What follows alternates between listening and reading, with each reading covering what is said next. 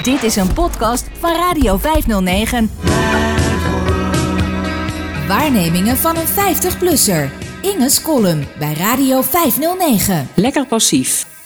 Het is een breed verspreide aanname. Mensen leren en luisteren het beste door zelf actief iets te doen. Iedereen die op haar werk wel eens een symposium, conferentie of workshop heeft bijgewoond, weet waar ik het over heb. Ook vrijwilligerstrainingen, cursussen en vergaderingen zijn ervan vergeven. Na een paar inleidende woorden is er altijd wel een interactief gedeelte.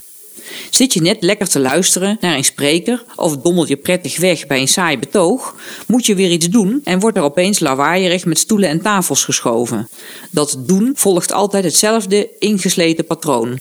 De groep luisteraars wordt opgesplitst in duo's of kleine groepjes Sinds de online meetings en intrede deed, noemen we dat breakout rooms. Om met elkaar een paar vragen te beantwoorden. Het is de bedoeling dat de deelnemer al pratend met een collega of lotgenoot tot nieuwe inzichten komt en dat daar good practices worden uitgewisseld.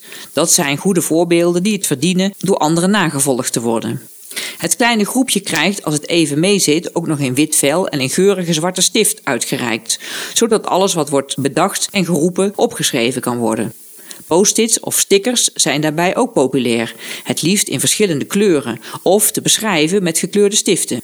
En nadat zo'n kwartier of half uur wat geoefend, uitgewisseld, gediscussieerd of gebrainstormd is, volgt de onvermijdelijke plenaire terugkoppeling. De kleine groepjes vormen weer één grote groep. En die richt zich op de spreker of de leider van de workshop. Deze vraagt dan uit elk groepje één persoon om verslag te doen van wat zij met elkaar hebben besproken of ervaren. Men vindt het inzichtelijk als die resultaten op grote flip-overvellen worden opgehangen of door de leider van dienst op een whiteboard geschreven met een piepende stift. Populair is ook het plakken van post-its of stickers op verschillende plaatsen op de wand, waardoor mensen lekker ongegeneerd door elkaar gaan lopen. Met de modernste variant van de terugkoppeling wordt het helemaal een dolle boel. Dat is de word cloud. Letterlijk een wolk van woorden die bij voorkeur digitaal wordt gevormd door de termen die de verschillende groepjes aandragen. Hoe groter het woord in de cloud, hoe vaker de term is genoemd. Ik heb talloze van dit soort sessies meegemaakt en ik krijg er een steeds grotere hekel aan. De reden is vrij eenvoudig. Het praten, uitwisselen, discussiëren in kleine groepjes of duo's levert zelden iets op waar je na de workshop of het symposium nog iets aan hebt. Mijn subgroepje komt in ieder geval nooit met een briljant idee. Ik zit altijd in het ene groepje dat zomaar wat aan het praten slaat en dan te laat tot de ontdekking komt dat de tijd bijna om is en we nog geen enkele vraag hebben beantwoord. Of er manifesteert zich in zo'n groepje een duidelijke leider die zelf alles invult, de post-its plakt en de termen omcirkelt. De rest zit er maar zo'n beetje bij en wacht gelaten af. Sinds dit soort werkbijeenkomsten voornamelijk online via Teams georganiseerd worden, is de montere aankondiging van de gespreksleider van dienst dat we gelukkig nog net even tijd hebben voor een breakout sessie, voor menigeen het zijn om de knop oproep beëindigen aan te klikken. Je hoeft je niet te verontschuldigen dat je helaas echt dringend weg moet en hiervoor een geloofwaardige smoes te verzinnen. Niemand kijkt je meewarig of verwijtend na. Gewoon even tikken en weg is de breakout room. Je verlaat MS Teams en de middag ligt voor je. Mijn directe collega's kennen mijn afkeer van het concept in subgroepjes uiteen met plenaire terugkoppeling na afloop. Maar ze vragen me niet waarom ik er zo'n hekel aan heb. En dat is heel verstandig van ze, want de meeste van die collega's geven onderwijs aan studenten en daar is dit concept al jaren enorm populair. Dus ik neem aan dat mijn collega's hier wel in geloven. Zij hebben geleerd dat studenten meer leren van zelf iets doen dan van passief luisteren. Dat zal zeker gelden voor het in elkaar zetten van een auto of het verwijderen van een blinde darm.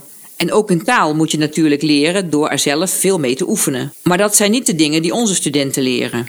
Hoorcolleges zijn er nog wel, maar de docent moet veel uit de kast halen om de student van nu naar zich te laten luisteren en het qua aandacht te winnen van de smartphone of de buurman. En na drie kwartier is het toch alweer tijd voor een werkgroep, waarin leesvragen besproken worden of een groepje studenten een door PowerPoint ondersteunde presentatie geeft. En dan volgt een training onderhandelen en conflict hanteren. Ze zijn de hele dag in de weer, onze studenten. Ze doen ervaring op, ontdekken, reflecteren, ontwikkelen vaardigheden, co-refereren, geven, ontvangen en verwerken feedback. Het lijkt me doodvermoeiend. En wat leren ze nu eigenlijk echt? vraag ik dan voorzichtig. Studenten krijgen een gereedschapskist mee, las ik laatst in een betoog van een collega. Fijne metafoor, maar ik ben geen klusser. Volgens mij gaat er niets boven het absorberen van informatie. Het luisteren naar goede verhalen en anekdotes die je onthoudt. Niets zo lekker als een goed opgebouwd hoorcollege door een inspirerende spreker met een kop en een staart en een fijne rode draad om te volgen. Of een lezing van een deskundige, een informatieve podcast of een professioneel voorgelezen informatief boek. Dat inspireert, daar word je vrolijk van en neem je wat van mee. Dat onthoud je ook.